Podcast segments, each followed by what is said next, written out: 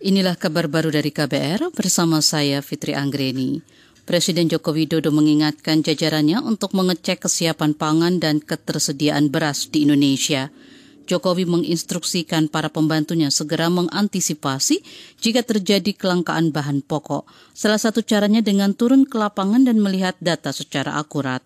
Saya ingin menekankan yang pertama, pastikan ketersediaan bahan pokok. Hitung yang betul berapa produksi beras kita, Kemudian perkiraan produksi beras pada saat masuk ke musim kemarau. Juga cadangan beras nasional kita cukup untuk berapa lama betul-betul harus dihitung. Jangan overestimate, tolong dikalkulasi yang cermat, dihitung yang detail, berbasis data-data empiris yang valid dan reliable. Presiden Jokowi menyebut antisipasi terkait ketersediaan bahan pangan harus segera dilakukan sebab sebelumnya Organisasi Pangan Dunia FAO mengingatkan negara di seluruh dunia mengantisipasi kelangkaan bahan pokok akibat wabah COVID-19.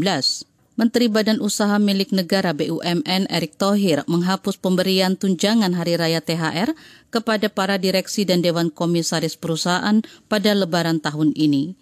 Erik mengatakan penghapusan THR lantaran penyebaran virus corona yang semakin meluas.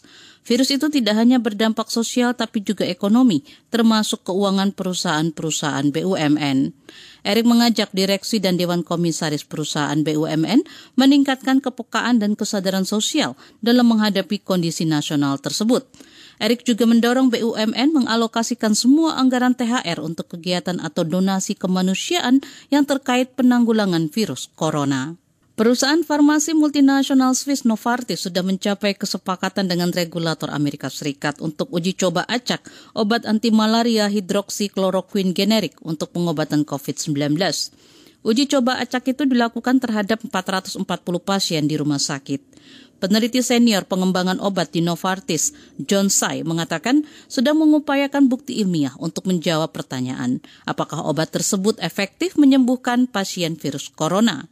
Sebelumnya, obat anti malaria hidroksikloroquine itu sudah dipromosikan penggunaannya bahkan oleh Presiden Amerika Serikat Donald Trump. Demikian kabar baru dari KBR, saya Fitri Anggreni, salam.